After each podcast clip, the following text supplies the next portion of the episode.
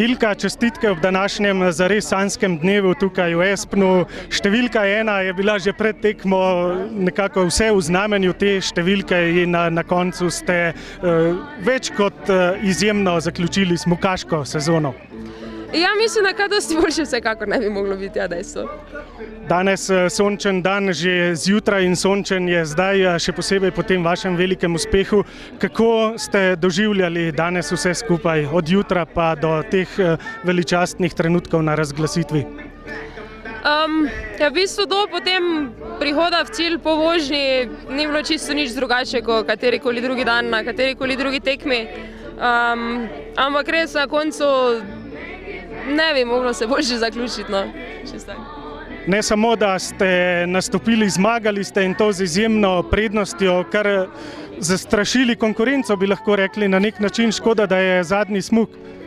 Ja, vsekakor je škoda, ja, ker pač um, res kaj delam to sezono, še sama skoraj ne morem verjeti. In, uh, pač, ne vem, je že, mislim, sezona je dolga in naporna, ampak. Um, nekako leti, no in bo skoraj škoda končati.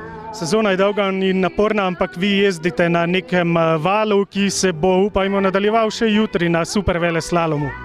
Ja, jaz bom dala vse od sebe, zdaj kaj bomo pa jutri videli.